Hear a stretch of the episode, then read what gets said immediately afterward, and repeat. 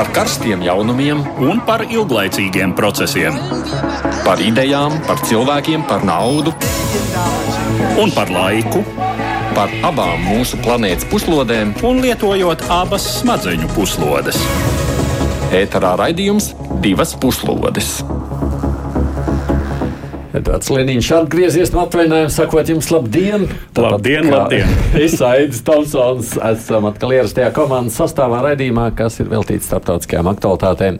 Producē sevi junām. Par tematiku. Šoreiz par Ukrajinu nerunāsim, jo no tā mēs veltījām visu pagājušo raidījumu. Šajā stundā uzmanību pievērsīsim divām citām valstīm. Viena no šīm valstīm būs Lielbritānija. Tur nedēļa ir pagājusi milzīgu finanšu un politisko satricinājumu ēnā. Jaunās premjerministres Līzas Strasas ekonomikas stimulēšanas plāns ir cietis pamatīgu fiasko. Premjere, mēģinot glābt situāciju, atbrīvoja no amata savu ciešu sabiedroto, finanšu ministru Kvazī Kvartengu, bet jaunais kanclers Džeremijs Hants gandrīz visas viņu ieceres ir likvidējis. Finanšu tirgi ir nomierinājušies, bet politiskā krīze turpinās. Pieaugs spiediens premjerei pamest amatu. Otra valsts, par kuru mēs šodien runāsim, būs Ķīna. Tur notiek ilgi gaidītais Ķīnas kompartijas kongress, kuram jāievēl ir valsts vadītāji nākamajiem pieciem gadiem. Nu, visticamāk, tātad šo amatu kā varētu saka, saglabāt pašreizējais partijas ģenerālsekretārs Ziņpins, bet nu, daļa analītiķu lēš, ka pasaulē šī nav laba ziņa, patiesībā Ķīna virzās jaunas diktatūras virzienā. Kas īsti notiek Ķīnā, ko tas nozīmē pasaulē, mēs pievērsīsimies arī šim tematam. Un visu šo stundu kopā ar mums studijā būs arī Latvijas Universitātes lektors un Latvijas ārpolitikas institūta asociētais pētnieks Aldis Austers. Labdien! Labdien. Bet nu, mēs sākam ar Lielbritāniju un tādu īsu pēdējo notikumu kopsavilkumu. Vien pusotru mēnesi pēc jaunās Lielbritānijas premjerministres Līzas Strasas stāšanās amatā, viņas valdības dienas daudzuprāt jau esot skaitītas. Smagi rudens padebeši pār premjeras galvu savilkās septembra nogalē, kad parlamenta apakšpalātā tika pieteikts viņas valdības tā saucamais mini-budžets. Finanšu risinājuma pakete, kas paredzēja lielākoties nozīmīgus nodokļu samazinājumus un atbalstu iedzīvotājiem strauji pieaugušās dzīves dārdzības situācijā. Bija iecerēts samazināt ienākumu nodokļu likmi no 20% uz 19%, atteikties no paaugstinātās 45% nodokļu likmes lielāko ienākumu saņēmējiem, atteikties no agrāk plānotā uzņēmuma ienākuma nodokļu palielināšanas no 19 līdz 25%, sociālās apdrošināšanas likuma palielināšanas un samazināt vēl vairākus nodokļus. Paketi ietver arī atbalsta mehānismu iedzīvotājiem energoresursu cenu kāpumu kompensēšanai. Attiecīgo budžeta ieņēmumu samazinājumu valdība pamatā plānoja sekt no aizņēmumiem. Jau drīz pēc to brīdi esošā finanšu ministra Kvazija Kvartenga uzstāšanās parlamentā uz proponētajiem pasākumiem negatīvi reaģēja finanšu tirgi, strauji krītoties Britu mācības kursam un Lielbritānijas valdības parādzīm vērtībai. Asu kritiku valdības plānam izteica neviena opozīcijā esošā Leiboristu partija un Britu arotbiedrības, bet arī Startautiskais valūtas fonds. Tika norādīts, ka valdības plāns sola ieguvumus turīgākajiem, kamēr sabiedrības trūcīgākā daļa var izrādīties pat zaudētājos inflācijas dēļ. Saskārusies ar šādu reakciju, premjerministre strauji pavērsa finanšu politiku pretējā virzienā, un šī manevra gaitā pār valdības bortu aizlidoja nevien mini budžets, bet arī tā autors Kvazīka Vārtengs. 14. oktobrī viņš tika atstādināts. Viņa vietā stājoties kādreizējam Terēzes Meijas valdības ārlietu ministram Džeremijam Hantam. Jau nākamajā dienā viņš sniedz vairākas intervijas, paziņojot par atteikšanos no lielākās daļas mini budžeta plāniem. Tas ir glābis Britu mārciņas un valdības vērtspapīra kursu, taču ne premjerministres trases un arī Torija partijas reitingus. Pēc pēdējām aptaujām konservatīvo reitingi nokritušies līdz rekordzemam līmenim, un galvenais konkurents - leiboristi Viņus apsteidz vairāk nekā divkārt. Savukārt Līza Strāsas darbību premjerministra amatā šobrīd atbalsta vien tikai katrs desmitais brits. Pašu Toriju vidū arvien skaļāk izskan balsis, ka valdības vadītāji ar steigu meklējams aizstājējs. Pret neusticības balsojumu no pašas partijas puses, premjerministri gan sargā noteikums, ka šāds balsojums nav rīkojams ātrāk kā gadu pēc apstiprināšanas amatā un arī nevēlēšanās tik drīz atkārtot laikietilpīgo partijas biedru balsojumu procedūru. Tomēr acīm redzams atbalsta trūkums partijā var likt Lizai Trasai pašai atkāpties no amata. Cik reāli tas, ka trasē var nākties pamest savu amatu, Austrākungs? Es domāju, ka diezgan reāli. Jo būtībā viņas kredo ir pazaudēts. Tā programma, ar kur viņi ievēlēja par partijas vadītāju, un to iecēla par, par premjerministru, būtībā ir izgāzusies. Un iedomāties, tagad, ka viņi varētu vadīt valdību vēl vairākus gadus un vedot uh, Torijas uz vēlēšanām nākošajām, mm. kas tiešām nereāli. Ja, tas nozīmē, ka tad, kad viņi ievēlēja, nezināja, ko viņi grasās darīt. Viņi tiešām ne, nebija pateikusi, vai neviens nesaprata. Nē, viņi, eh, viņi jau eh, darīja tieši to, ko viņi bija solījusi. Bet neviens jau nereiķinājās, ka varētu būt tāda tirgus reakcija. Hmm. Tas nozīmē arī pašu partiju neapjēdz, kas notiek. Tieši tā. Kāds premjerministrs vispār savārīs tik ātri podas Brita vēsturē kā trasa? Šķiet, ka nē. Tik strauji. Nu, neesmu pārskatījis taisnību, sakot, visu sarakstu, bet eh, tā uzreiz atmiņā tāda precedenti nav. Bet ko viņi tik aplami izdarīja? No vienas puses, taču kā to, ko solīja. Jā, nu, tas ir zināms paradoks. Uh, bet uh, droši vien, ka viņas komanda uh, viņas padomnieki, nu, tas pats Kvartenga kungs, kā galvenais valdības finanšu politikas īstenotājs nu, un arī autors. Nu, viņi acīm redzot, patiešām nebija parēķinājuši gana daudz gājienu uz priekšu. Vai varbūt bija cerības uz kādu uh, mm, ātrāku ekonomikas atlapšanu. Kas to zina? Nu, jo, kāpēc tā reakcija tāda? Jā. No otras puses, kāpēc tirgus arī tā reaģēja? Galu galā gribēja palīdzēt biznesam, vai ne? Tur nodokļus samazināt. Skaisti. Tā mēs zinām, uz kurien ceļš, ar ko ceļš ir uh, bruģēts zēlī. Ar labiem nodokļiem, jā. Bet jāreikinās to, ka pirmkārt jau Boris Džonsons īstenot diezgan ievērojumu uh, stimulācijas paketi uh, Covid laikā. Jā. Un uh, strauji audzis ir Lielbritānijas parāds no, no 70% līdz pār 90%. Jau, un jau ah. līdz no šo paketi būtībā tas parāds pieaugt jau virs 100, 110, 120% iespējams. Tas viens. No otrs, tas plašāks konteksts šai problēmai ir tāds, ka, diemžēl, tās cerības, ka Lielbritānija varētu būt skaista nākotnē ārpus Eiropas Savienības, kļūstot par zemu nodokļu zonu, ir izgājušies. Redzams, ka pasaule ir daudz komplicētāka, izaicinājumi ir daudz sarežģītāki. Un arī tā globālā sistēma, kur bija šķiet diezgan stabila vēl 2000, 2016. gadā, kad notika referendums, ir arī uh, sāk uh, izjukt. Jo notiek šķelšanās starp ASV un Ķīnu, un līdz ar to Lielbritānijai vairs nav cerības spēlēt globālu tirdzniecības partneru lomu visiem reģioniem vienlaicīgi. Diemžēl Lielbritānija ir jāizvēlas arī puses, kurā pusē nostāties, un loģiski, protams, tā ir ASV puse.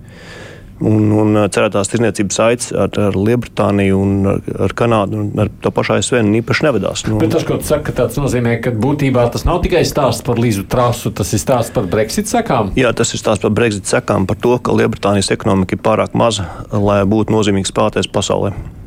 Kas nozīmē, lai arī ko tur darītu trasu, tā reakcija varēja tieši tāda būt? Nu, tieši tā, nu, viņam ir jāstabilizē, viņiem jāreikinās, ka viņu ekonomika ļoti maza, ka, ka investoru pacietībai ir robežas, ka Lielbritānijas ekonomika kļūst līdzīga tāda, kā bija Latvijas situācija 2008. gadā, kad mēs kļuvām maksāt nespējīgi pie ļoti zema valsts parāda, būtībā pie 40% sliekšņa. -hmm. nu, Lielbritānijas gadījumā šis sliekšņs jau šķiet ir, ir redzams jau kaut, kaut kur ap 100%. Nu, Un šī reakcija, kas bija tirgos, tagad jūtama, nu, ir tā, tas parāda, ka Lielbritānija nav, nav pašpietiekama valsts, nebūtu ne tāda kā ASV vai, vai citas lielās valsts. Tātad pirmais jau, kas viņiem baigi iztraucēja, bija Covid, pandēmija, tāda nu, tieši tā. Nebija droši vien veidojot šo politikas stratēģiju, pirmām kārtām Torija partijai, nu, nebija ierēķināts šī gada 24. februāris. Un, Tas, ka Krievijas iebrukums Ukrainā vēl vairāk sarežģīs starptautisko situāciju, radīs akūtu energoresursu cenu kāpumu.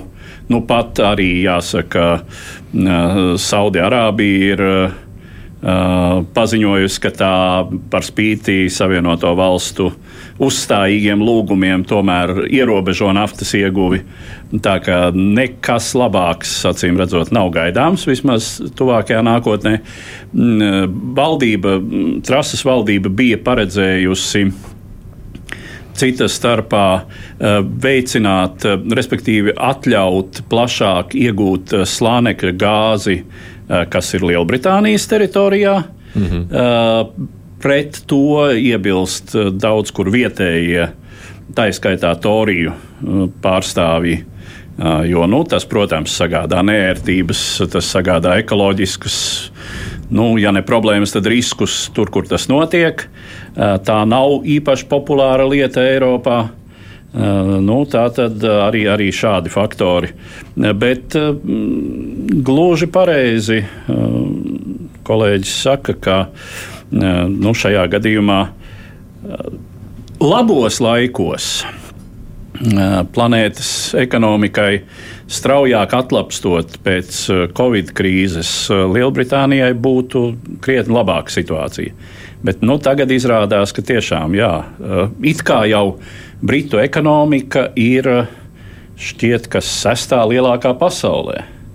Eh, bet pats sestā lielākā pasaulē joprojām mm. nozīmē drusku par maz, lai grūtos laikos tā sekmīgi turētos uz ūdens. Viena pati pie tam, vai ne? Bet arī tā tautas attieksme no otras puses, nu, man liekas, nu, apmēram tā, ja mūsu valstī kāds nākt ar paziņojumu, ka viņi Tātad nodokļus tur samazina par cik, nodokļu pieauguma aptur vai ne, uh, pakete enerģētika atbalsta milzīgi. Mēs taču tur kliegtu sajūsmā man sacīt, nu, wow, kāds beidzot iedzīgs premjers mums ir pie. Nu, tas uh, enerģētikas atbalsts.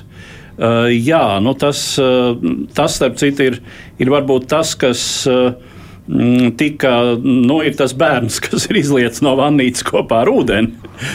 jo tāds, tāds tas tiešām varēja būt.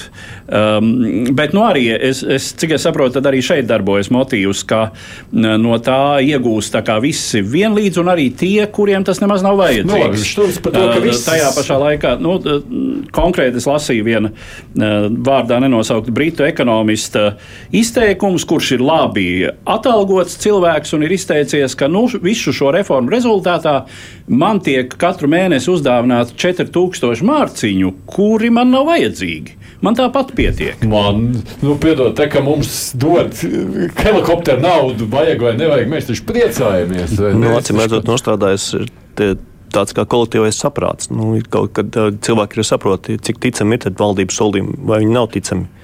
Acīm redzot, šis bija tas gadījums, kad sabiedrība nenoticēja un uzskatīja, ka tās sekas būs daudz smagākas. Jo jāatcerās, ka, ka Lielbritānija ir viena no augstākajām inflācijām šobrīd Eiropā.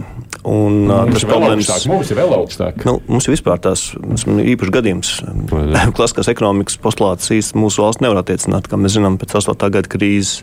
Tas, kas viņam liekas traki, tas mums liekas vēl normāli. Un, viņam jau procentu, procentu likmes pieaug tikai par dažiem procentu punktiem, kas jau radīs satraukumu. Nu, mums mums vismaz desmit vajadzīgi, lai mēs sāktu kustēt. Jā, bet nu, tas nozīmē, bet, nu, un? Jā, bet tā problēma ir tā, ka Jāna sabiedrība Sabiedrība acīm redzot rēķinās to, ka šāds uh, stimulu apjoms noteikti audzēs inflāciju un tas savukārt samazinās reālos, reālo pirktspēju cilvēkiem, īpaši ar maziem ienākumiem. Mm. Kā sēks būs sociāli daudz sāpīgāks un turklāt vēl izskanēja pārmetumi, šie piedāvātie nodokļu samazinājumi vairāk tomēr būtu devuši ieguvumu bagātajai sabiedrības daļai, ka viņi nebija taisnīgi sadalīti. Tas viens no otras šī enerģijas atbalsta pakete. Arī tur ir vairākas problēmas. Pirmkārt, viņa ļoti dārga. Otram kārtām šī pakete nebūtu neveicinātu enerģijas taupīšanu. Jo viņa bija, tā, tas nozīmē, ka tika kompensēti šī izdevumi visu noteikta līmeņa, un tas jau neveicina šo taupības. Jo enerģija palika lēta priekšiedzīvotājiem un uzņēmumiem, tad kāpēc taupīt? Un tas viss kombinācijā ar, ar, ar pašas partijas, jāsaka, mokošu, jāsaka, padītāju mājiņu no, no Johnsona uz trasu. Politiskais klimats vispār Un, un savā, savā ziņā arī jēdzīgā laboristu vadība, kas pēc, ir pēdējos gados vadījuša partiju, acīm redzot, noslēdz šo, šo sabiedrības noskaņojumu par labu laboristiem.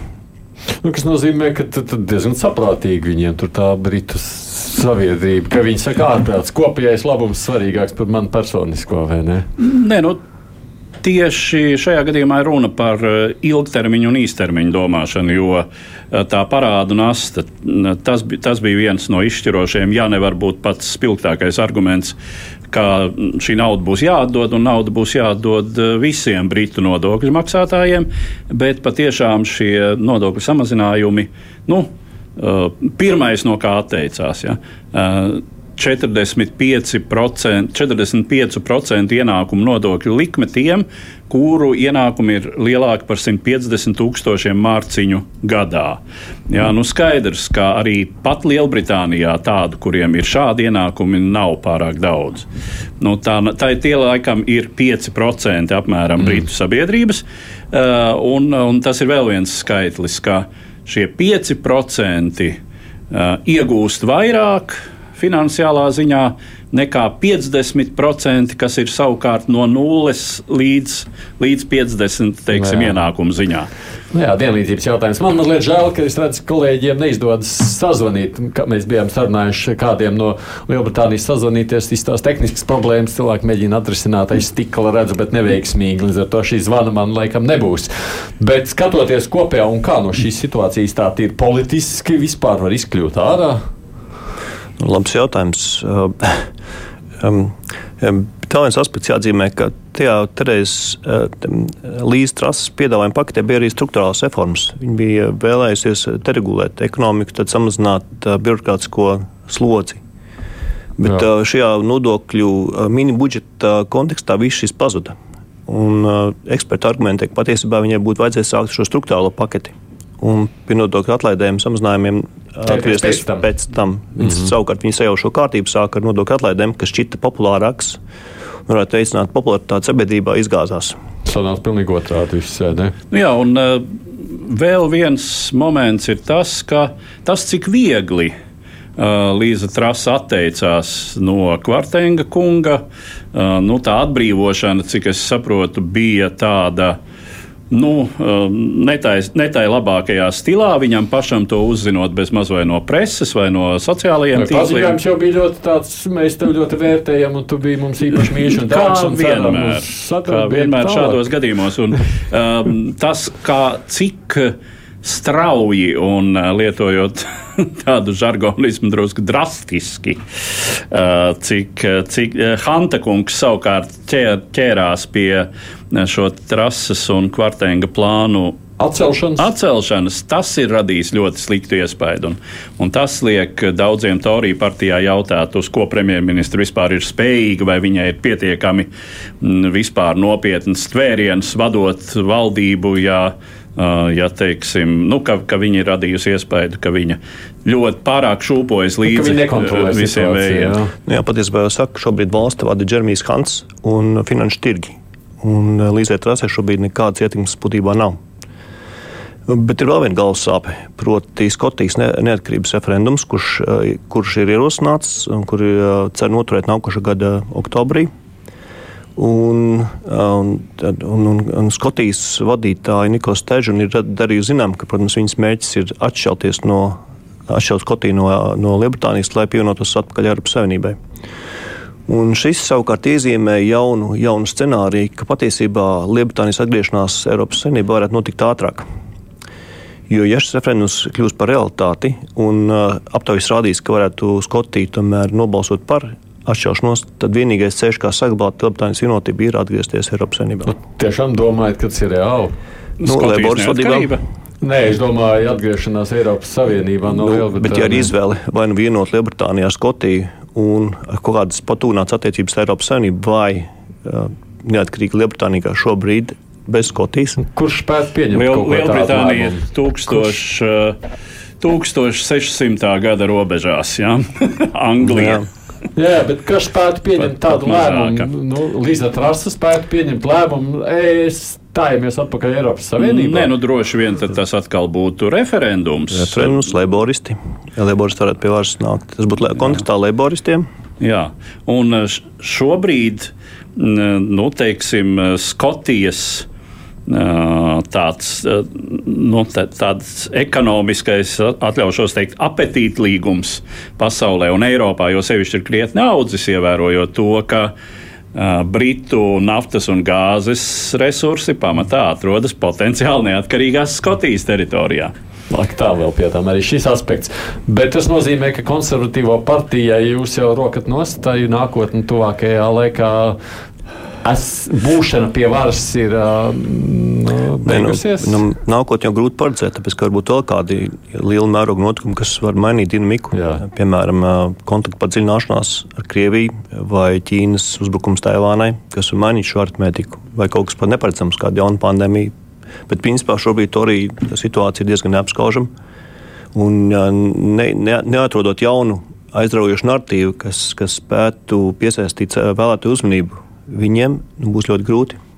Jā, jo nu, tā uh, distance, kas šobrīd šķir uh, Torijas no Leiboristiem, ir tāda, ka, ja vēlēšanas notiktu rīt, tad uh, Uh, nu, tā ir graujoša. ka viņi jau nav otrajā, viņa trešajā vietā. Nē, tā, tā gluži nav. Es, es, es arī lasīju tos, tos tvītus, jā. kas saka, ka tūlīt Skotijas neatkarības partija būs oficiālā opozīcija un veidos ēnu kabinetu. Tā gluži nav.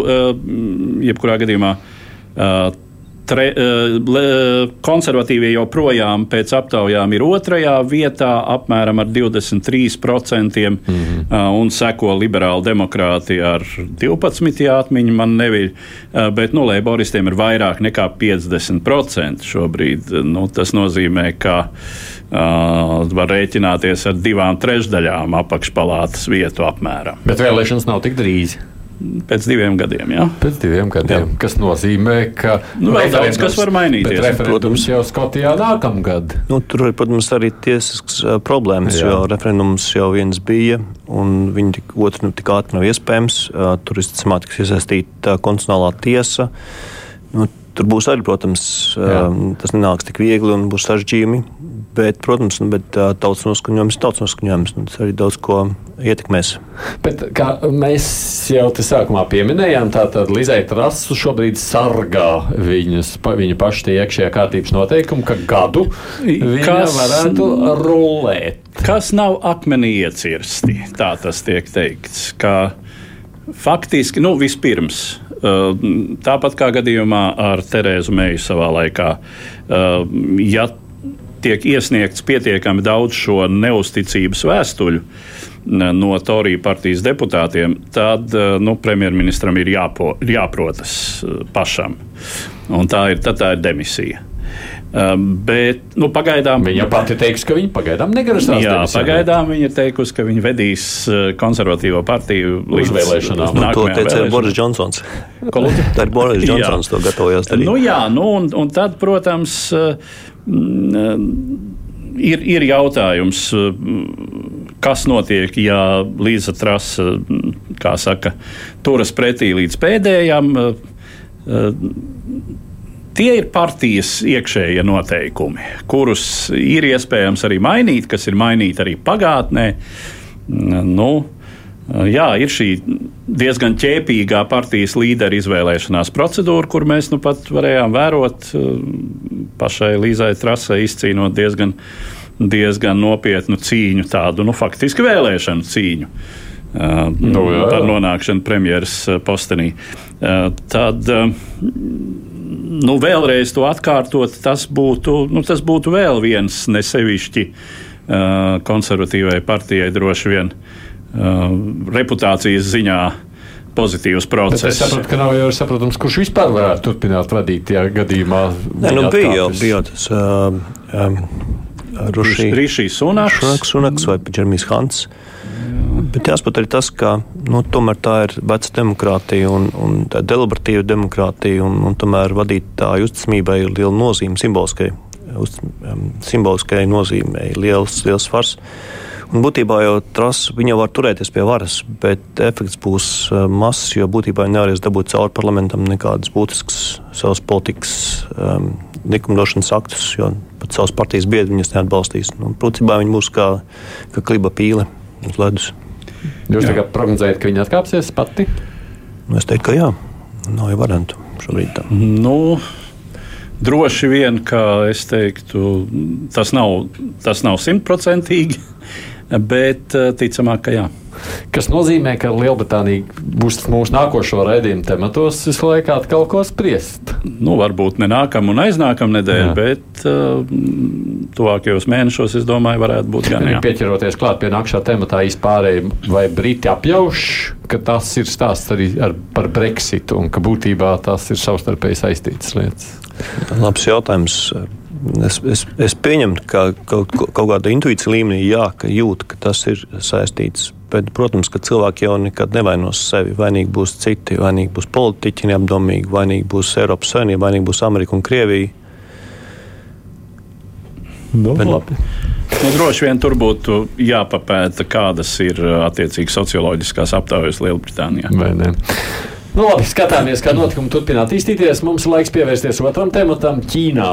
Notiek kompartijas kongress, kam ir jāievēl nākamos partijas un valsts vadītājus. Ķīnas Komunistiskās partijas 20. kongress savu darbu Pekinā uzsāka 16. oktobrī un turpinās līdz 22. oktobrim. Nepilni 2300 delegāti pārstāv gandrīz 97 miljonus Ķīnas komunistu. Tomēr viņu gribas paudums, kā jau totalitārā varas sistēmā, ir visai nosacīts.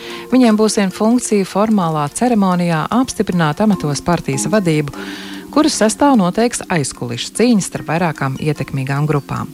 Šīs cīņas rezultāti noteiks, kas ieņems amats varas virsotnē starp 25 partijas centrāla komitejas politbiroja locekļiem un kas, sevišķi svarīgi, septiņiem politbiroja pastāvīgās komitejas locekļiem.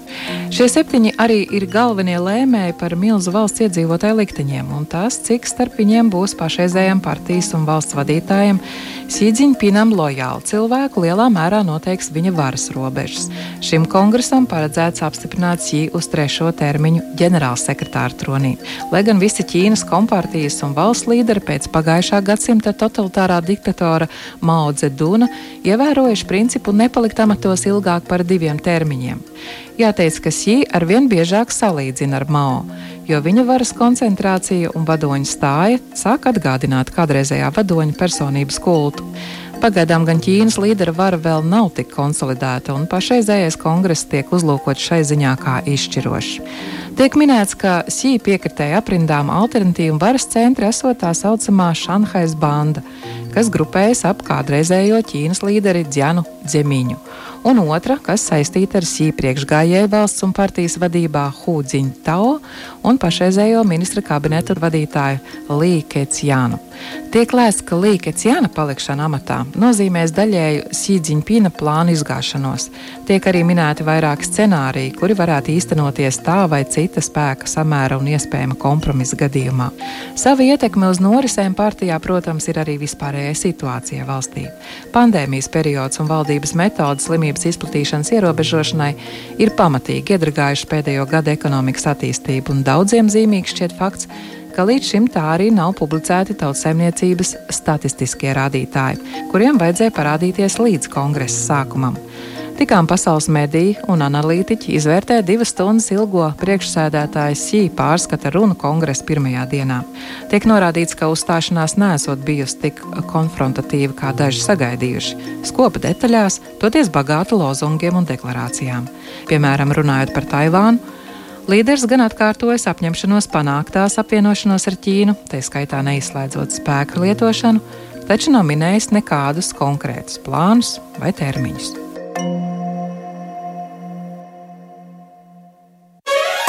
Divas puslodes. Atgādini, kopā ar mums ir ārpolitikas institūta asociētais pētnieks Alans Austers, un studijai tagad attālināti pievienojusies ir arī Latvijas transatlantiskās organizācijas ģenerālsekretārs Sigits Struberga. Labdien! Labdien! Jūs prognozes Ziņpins paliks amatā? Es domāju, ka tas ir diezgan skaidrs. Būtu, būtu manuprāt, nedaudz dīvaini spriest, ka nē. Um, protams, ka jā. Un patiesībā arī es nebūtu tik optimistiska par to viedokļu dažādību, kas, kas varētu parādīties kongresā. Jo faktiski tā situācija ir tāda, ka kongresa laikā tiek spriesti tikai tie jautājumi, ko komunistiskās partijas vadība ir likusi priekšā. Nu, tad spēlēšanās ar de demokrātijas principiem tur īsti nenotiek tādā rietumnieku izpratnē. Tāpēc es tiešām neredzu iemeslu domāt, ka varētu būt kaut kā savādāk. Piekrītat, tur viss ir izlemts, viss ir skaidrs, viss ir sadalīts. Principā jā, jo nav dzirdēts, ka būtu bijušas kaut kādas kadru tīrīšanas, gatavoties šim kongresam, kas varētu notikt, ja Sī just, ka viņam ir kaut kāda apdraudējums viņa, viņa ambīcijām turpināt atrasties amatā vēl turpmāko termiņu. Nu, visnotaļ runājot par Sī vēlmi palikt amatā uz trešo termiņu, un kas visdrīzāk varētu nozīmēt palikšanu amatā vispār, kamēr tas viņam fiziski ir iespējams. Um, nu, kas tā sacīt, nozīmē atgriešanos pie vecajiem, labajiem 20. gadsimta mm, komunistiskā totalitārisma modeļiem, kad tā sacīt, uh, no politbiroja uh, Uh, nu, kā, kā tajā anekdotē, karoga un politbiroja ienešanai piecelties.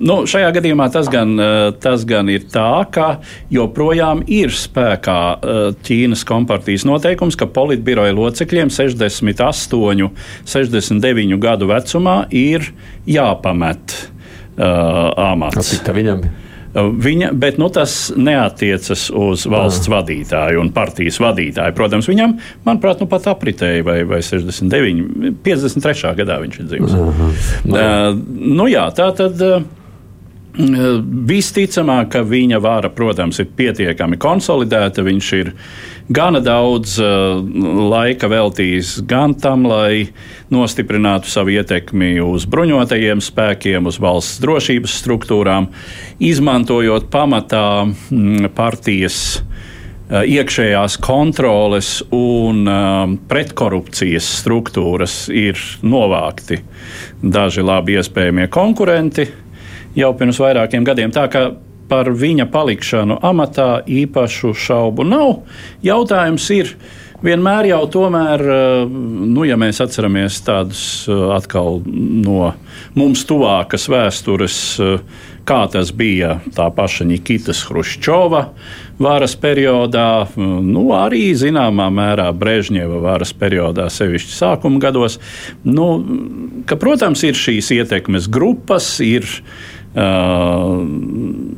tomēr zināma interešu un ietekmju sabalansēšana. Nu, tad, tad tur ir šie modeļi, vai ne? Ir, ir, ir jau faktiski publiskojuši, analītiķi ir publiskojuši iespējamos scenārijus, pēc kuriem var spriest, nu, cik tad tas tvēriens ir stingrs. Cik Stūrbergs kundze ir tas tvēriens stingrs? Nu, to, cik ir iecementēta tā situācija, runājot par Ķīnu? Nu, manā skatījumā tā ir uh, gan stingra, un to arī uh, parāda tas um, prezidenta Sī runas saturs. Starp citu, viņš ir ievēlēts saskaņā ar pēdējām ah, ziņām. Jau tikko, jā. Tā ka mēs jau varam apsveikt. Uh, pat neaps, apsveikt, jā, līd, lielo līderi. Faktiski, manuprāt, tas, ko demonstrē, demonstrē tā, tā, tas, kas ir noticis pa šīm dienām, nu, uh, ir pietiekami skaidrs signāli par to, ka viņa varas pozīcijas ir gan spēcīgas, lai mēs runātu par to, ka ir iecementēts. Tāpat arī, manuprāt, To parāda arī, arī tā, nu, tie narratīvi, kas izskanēja attiecībā uz ekonomiku un, un, un drošību un citiem, ka faktiski ir arī skaidrs, kā, kāda, kāda būs tālākā rīcība. Un redziet, šajā gadījumā pat, pat fakts, ka SI nekādi netaisās mainīt ievērojami, piemēram, Covid apkarošanas politikas, ja, un sabiedrībā nav, lai arī ir neliela neapmierinātība salīdzinoši, kā, salīdzinot ar citām valstīm, tomēr, nu, būtībā arī šeit ne partijas iekšienē, ne, ne, ne, ne vēl jau vairāk sabiedrībā mēs neredzam tādu stingru pretestību. Līdz ar to arī citi, citi tie rādītāji attiecībā uz ekonomiku, attiecībā uz uh, um, partijas attiecību veidošanu. Um, es, ne, es tiešām neredzu, ka tas varētu tikt uzskatīts par, par kaut ko, kas varētu, uh, ma, nu, ka tās izmaiņas, kas notiks politbirojā, varētu mazināt uh, varu.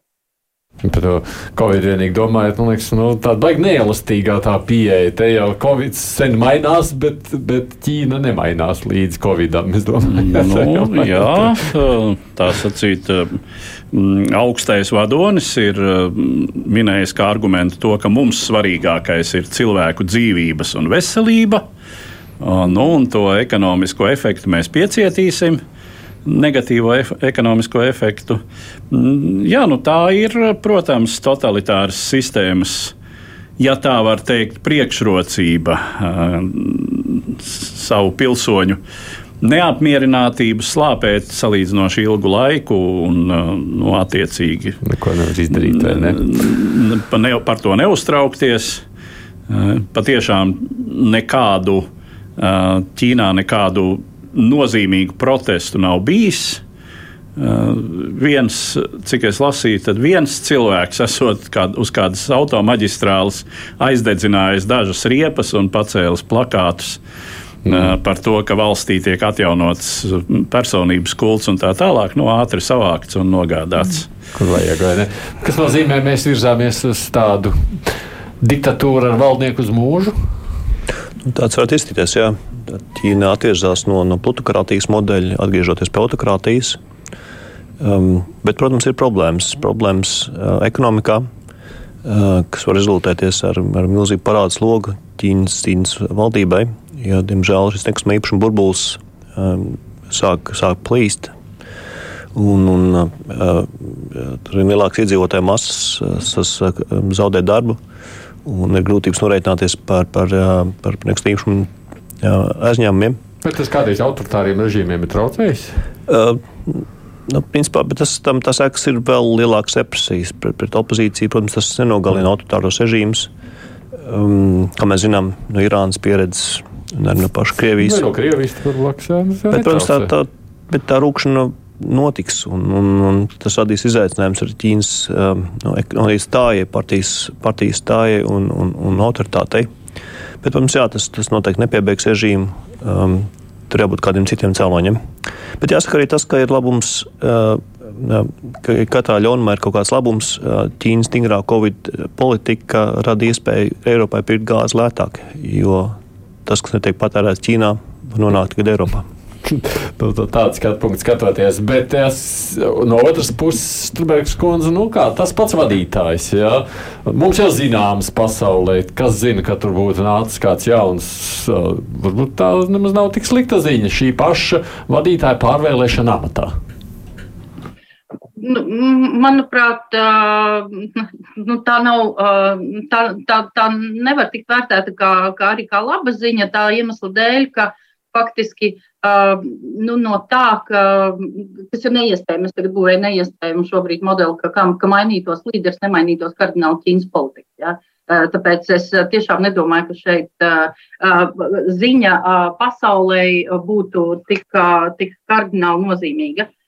Faktiski tas, kas man drīzāk šķiet, ka mm, pasaule kādu laiku, kamēr Ķīna ekonomiski attīstījās strauji, arī runāja par to, ka redz, nu, teiksim, ka cilvēkiem kļūstot bagātākiem, dzīvojot lielākā labklājībā, varētu sākties neapmierinātība, jo līdzās cilvēki paprasītu arī politiskās tiesības.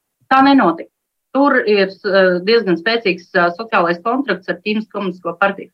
Un es baidos, ka arī tas, kas attiecās uz tagad ekonomiskās situācijas pasliktināšanos un lielajiem ierobežojumiem, uh, Tas arī nenozīmēs to, ka, ka šis uh, sociālais līgums varētu tikt uh, tā, tā ņemts un uh, lausts. Un, un jāņem vērā, ka Ķīnas uh, sabiedrībā tomēr tā baile izteikt, bailes izteikt savus politiskos viedokļus, ja, to, kas attiecās uz komunistisko partiju, ir tik spēcīga, ka to rūkšanu ir diezgan grūti veicināt, jo cilvēki jau baidās savā starpā par to runāt. Uh, tomēr uh, arī sociālo kredītu sistēma un visādi citādi instrumenti ir ieviesti tā, lai cilvēki baidītos uh, skaļi izteikt uh, savu neapmierinātību. Šai ziņā es teiktu, ka nu, šāda sistēma šobrīd nostiprinās vēl, nu, kas ir tāda vēl vairāk represīva nekā uh, padomju savienība tās norietā. Vismaz manā skatījumā.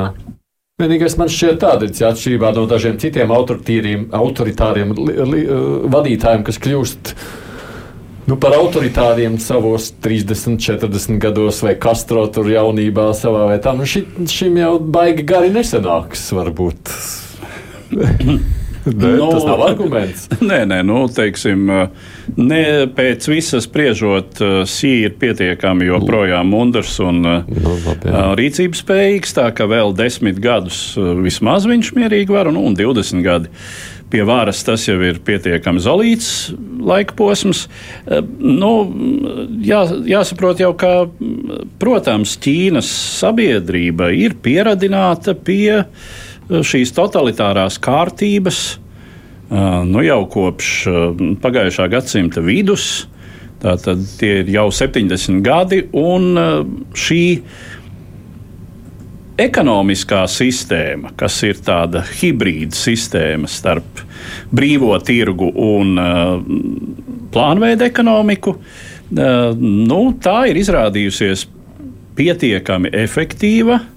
Uh, un Ķīnas milzīgie resursi, protams, uh, ļauj nu, lielā mērā to situāciju amortizēt. Ir jau, ir jau protams, tas, ka arī Ķīnas problēmas ir milzīgas, nu, tīri kvantitatīvi domāt par to, uh, kā nodrošināt. Bet nu, nevelti, nevelti augstais vadonis savā runā ir licis arī akcentu uz to, ka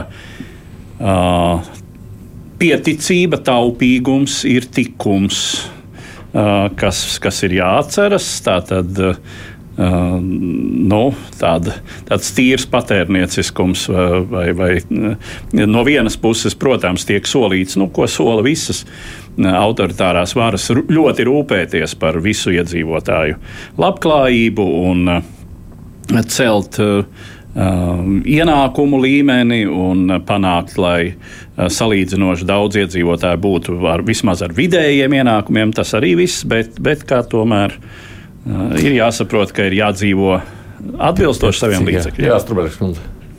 Jā, paldies. Es šeit gribētu papildināt, jo, jo tiešām ļoti pamatieti bija norādīts par šo sabiedrības pieredzināšanu. Un šī sabiedrības pieredzināšana arī pēdējos gados ir diezgan daudz darīts, lai, lai pieredzinātu un, un, un, un, un, un tā piespiestu sabiedrību, iet tādā, izvēlēties tādu mērenības ceļu. Mēs redzam, kas notika ar ārpusskolas izglītības jautājumiem.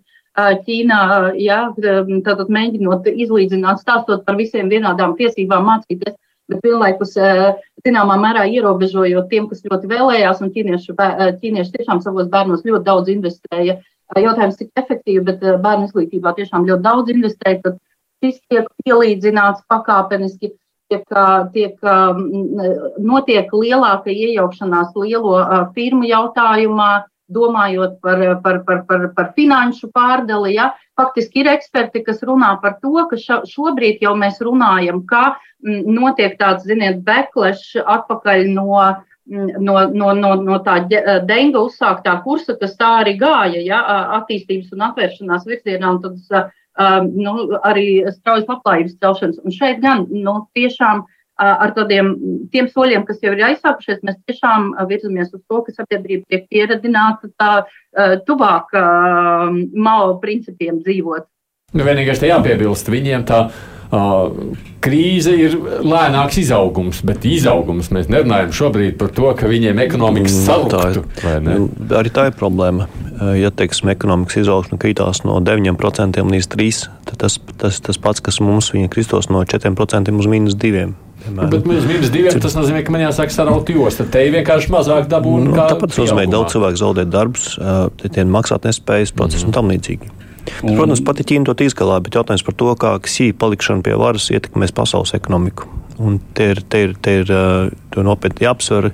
Skaidrs, ka investīcija plūsma uz Ķīnu samazināsies un Ķīnas nozīme pasaules ekonomikā arī samazināsies. Samazināsies? Jo, jo Ķīna pat vēlās eh, kļūt eh, par pietiekošu ekonomiku, mm. Eh, arī kritiskajās tehnoloģijās. Un otrs puses ir, ir, ir, ir bažas par drošību, par, par Ķīnas tehnoloģijas, tehnoloģiju drošību, par, par izspiegošanas iespējām, ko varētu šīs tehnoloģijas radīt. Tad arī Rietumu vēlās samazināt atkarību no Ķīnas, un arī Ķīna vēlas to pašu. Mm. Un līdz to tas, mēs šeit runājam par, par tādu lielo šķelšanos, ka pasaule sadalās divās ģeopolitikas uh, sfērās. ģeopolitiskās sfērās. Viens puses tā, tā valsts, kuras turēsies ap Ķīnu, un otrs puses rietumu kur arī turēsies ap ASV pulcēsies. Hmm. Jā, ar to varbūt arī tiešām šis 20. Ķīnas kompartijas kongress ir zīmīgs, ka uh, nu, ir deklarēts, ka Ķīna iet savu ekonomikas ceļu. Uh, ka tas ir modelis, kā to atkal jau vadonis ir formulējis, kas ir alternatīvs attīstības ceļš, uz ko visai pasaulē būtu jāskatās kā uz pozitīvāku nekā tradicionālais kapitālisms un brīvais tirgus. Nu, tā tad ir kādas ilūzijas, ka notiek šī Ķīnas aiziešana no padomju stila plānveida ekonomikas un ka tā pamazām kļūs uh, nu, neatšķirama lielā mērā no brīvā tirgus ekonomikām. Nu, tad jau arī uh, politiskā vide tam pielāgosies. Nu, šīs ilūzijas, kas bija uh, ļoti aktuālas pagājušā gadsimta 90. Uh, gados, vēl mūsu gadsimta sākumā, Nu, tās acīm redzot, ir. Bet tajā pašā laikā nu, viena daļa jau baidījās, ka Ķīna, lūk, ja viņi kļūs par tādu atvērto lielo globālo ekonomiku, ka viņi pārņems visu pasauli, un te nu viņa būs, viņa būs tā, kas nosaka, nu tad tagad par šo varbūt jāpriecājās, lai tad viņi iet atpakaļ savā, savā alā un audzē tur savu labklājību. nu, jā, tā ir te, bet jāreikinās tā, ar tām sekām, ka nu, nebūs vairs pieejami tik lēti produktu un preces, kā mēs bijām pieraduši. Kur mums. bija tikai ražot Ķīna. Mums, jā, jā. Tas nozīmē to, ka daudz uzņēmumu pārcēl savus ražotnes atpakaļ uz savām mātes zemēm, tad uz Eiropu vai uz Ameriku. Šeit darbspēks ir dārgāks un arī cenas būs augstākas. Datori dārgāki. Viss būs dārgāks. Plasmas pīlītes dārgāks. Tā mazāk ir dārgāks. nu, taisnība tā ir. Nu, protams, nav jau, nav jau varbūt arī teiksim, darba spēka izmaksas, piemēram, tādā Polijā vai Rumānijā, tik grandiozi atšķirīgs, atšķirīgs no, no lielām ražotnēm Ķīnā, kaut kur ekonomiski attīstītākajos rajonos. Bet jā, nu, tas ir jautājums, kā tas tālāk varētu notikt, jo nu, tad Droši vien aktuālāk atkal kļūs tādu valstu kā Japāna, Dienvidkoreja, tāpat Taivāna, Singapūra, Malaizija, nu, droši vien arī Indonēzija ar laiku, ja šī, šī reģiona valstu kā alternatīvas loma, bet nu, jāsaprot, ka vienmēr pasaulē jau būs kāds, kurš labprāt sadarbosies ar to pašu Ķīnu. Un globalizētā pasaulē Ķīnai ir pietiekami daudz iespēju atrast, ko tā jau demonstrē, tiešām sev sadarbības partnerus, satelītus, klientu valstis, tai pašā Āfrikā starp nabadzīgākajiem režīmiem, kur arī ir dažādas, teiksim, kreisas ievirzes režīmi, šur un tur pie varas. Tāpat Irāna Jā. potenciāli varētu būt Ķīnai labs draugs un partners un tā tālāk. Strabēks kundze. Jā, nu, jā, jāsaka, ka tikko nesen notikušais Šanhajas sadarbības formāts arī ļoti labi parādīja šo, šo uh, alternatīvas uh, būvēšanu ja, un sabiedroto meklēšanu. Un starp citu, tas, ka tur piedalījās gan Indijas pārstāvis, ja, gan, gan ar Irānu tika atrasti uh, kopēji um, punkti, par ko iepriekš tik vienkārši nebija vienoties un par ko um, Irānu tik, nu, tik vienkārši nepieņēma tādu, kādu, kāda viņi ir. Faktiski tas demonstrē to. Um, nu, tātad jauno, um, ko, par ko Ķīna jau runās ar citu sen, ja, alternatīvas veidošanu, un tā Ķīna to ir darījusi gan ar ekonomiskiem instrumentiem, gan finanšu instrumentiem, radot jaunus finanšu sadarbības uh, mehānismus. Nu, te mēs redzam vēl vienu uh, tādu uh, mehānismu sadarbības, kas nostiprinās, Un, un tas, tas rada tādu, tādus jautājumus par to, kā šie, starp citu, 44% pasaules iedzīvotāji, kas ir apvienojušies Šankais sadarbības organizācijā, kā, kā tālāk šī, šī balansēšana notiks. Vienīgais, tas, kas mums noteikti ir jāatcerās, ir tas, ka mm, mēs arī nevaram uh, sagaidīt, ka tās valstis, kas ir apvienojušās šajā mehānismā, skatās uz pasauli tieši tāpat kā rietums skatās. Nu, neskatās. Mēs reizēm man ir sajūta, ka mēs sagaidām, ka visa pasaule skatās tādā rietumu centrētā pieejā. Nu, tā nav. Un, tāpēc šeit varētu būt, ka, tie, ka, ka, ka, ka Ķīna šai, šai centrētajai pieejai varētu pievienoties arī tie, kas vienkārši vēlās redzēt, nu, pirmkārt, varbūt uzpirkt un tā tālāk, bet arī uzskata, ka pasaulē būtu jākļūst vairāk daudzpolārai, vairāk jābalansē rietumi un tā tālāk. Bet tā kļūst, tad jūs prāt, daudzpolārāka vai tā kļūst tieši otrādi tāda divu pretstāvošu, nu uzskatu vidū? Nu, pa, ir, šie, ir šīs divas daļas, par ko runāju, bet ir tikai nu, virzība uz šo. Jo šobrīd es teiktu, ka drīzāk tā ir daudzpolāra, jo, jo mēs tikai virzamies uz, uz tādiem procesiem, kas, kas liecinātu par to, ka tā var kļūt bipolāra ar, ar, ar Ķīnu priekšgalā. Jo austrumi ir pārāk sadrumstoti, mm. un tas pats attiecās patiesībā šobrīd arī, arī uz rietumiem nav tik ļoti vienkārši. Bet vēl viens jautājums, man ir pāris minūtes vēl tomēr. Uh, Nu, mēs redzam, kas notiek ar daļu no autoritāriem režīmiem, kas ir ietekmīgi autoritārie režīmi, kurā brīdī viņi sāk nonākt grūtībās, vai nu no ekonomiskās, vai tīri iekšēji politiskās. Viņi to risina ar ārēju ienaidnieku palīdzību, kā to darīja Krievija. Un tad mūžīgais jautājums par Taivānu un Ķīnu. Jūs, prāt, Bergs kundze, ar ko tas varētu turpināties? Nu, to arī, par to arī uh, prezidents runāja savā runā. Uh, Taivāns jautājums tika izcelts. Uh, šobrīd es neteiktu, ka ir indikācijas, ka tas varētu tikt risināts vardarbīgā ceļā, tādā pārskatāmā periodā. Bet tikpat labi ar autoritāriem režīmiem mēs redzam, kā mēs redzam ar Krieviju, ka viens ir tas, ko mēs sagaidām un paredzam, un otrs ir varbūt kāds lēmums, ko mums ir grūti paredzēt. Nu, loģika nespēlē. Kā izskatās Alde? Es domāju, ka Ķīna šobrīd vairāk aizņemta ar iekšējām ekonomiskajām problēmām. Viņi nejūtās tik stabili, uh, lai varētu atļauties militāru, lielu mērogu militāru konfliktu. To redzējām, ka, ka nestoties uz draudiem, ka, ka uh, kad, AS, kad ASV pārstāvi apciemoja Tēvānu, mm -hmm. nu, nekas jau nenotika. Pabrauka ar kuģiem, mazliet laikam, pārpalaidu kāds aķets, pademonstrēja savu spēku, bet tālāk negāja. Nu, un īpaši jau tagad, kad Jāksī pozīcijas būs nostiprinājušās, viņš ir pārvēlēts, viņam īstenībā nav vajadzības arī šobrīd eskalēt attiecības. Drīzāk viņam vajadzētu iet uh, citu ceļu sakārtot, stabilizēt attiecības ar ASV, lai tas ļautu atbrīvot viņam resursus uh, iekšā problēmu atrisināšanai, kas mm. ir nekustamā īpašuma tirgu un, un cits izaicinājums. Viņš ir racionālāks, apskatījās, ko tas Putinam maksā un saprot, ka to vairs nevajag.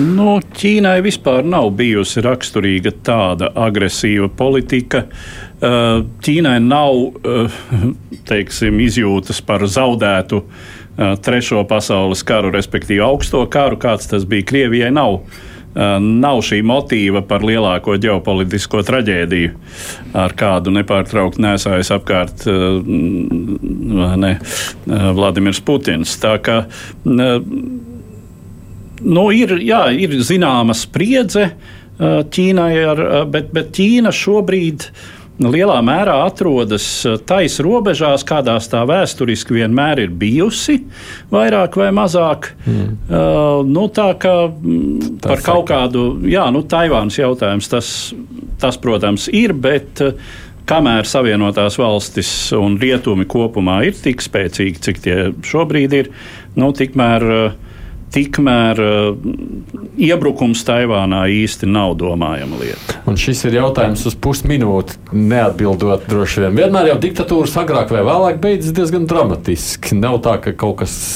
arī Ķīnā līdzīgi vajadzētu beigties. To ir grūti spriest, bet es teiktu, tā, ka Ķīna ir kā sindroms, ko jāpārslimo. Un Eiropā bija šis eh, populāritātes vilnis, mums likās, ka no Ķīnas nāks investīcijas, viss būs tik forši un skaisti, un nekas nebija. Es domāju, tas pats sagaida arī Āzijas valsts, kur šobrīd pulcēs Šanhais formātā. Nu, Jā, labi, paldies jums. Neapšaubām. Es saku paldies Sigitai Strunbergai, kas mums saka, ka jau ar jaunākām ziņām atnāca, ka jau uh, Ķīnas kompartijas vadītājs ir pārvēlēts savā amatā. Strunbergas kundze Latvijas transatlantiskās organizācijas ģenerālsekretāra. Paldies, ka pieslēdzāties mums caur Zoom platformu. Nu, savukārt, visu šo stundu studijā kopā ar mums bija ārpolitikas institūta asociētais pētnieks Latvijas universitātes lektors Aldis Austers. Paldies par atbalstu. Protams, bijām šeit arī mēs, Eduards Liriņš un Aits Tomsons. Producēja raidījumu Evi Junām. Mēs tiekamies, protams, atkal pēc nedēļas skatoties, kas notiek tālāk. Neapšaubām jaunākās ziņas, kā vienmēr nāk arī no Ukrainas. Tur ir šādi tādi lēmumi jau arī notikuši šīs stundas laikā. Es zinu, kolēģi noteikti par to stāstīs. Mēs lūkosim, kas būs noticis, un tad pēc nedēļas atkal par to runāsim mazliet padziļinātāk. Divas puslodes!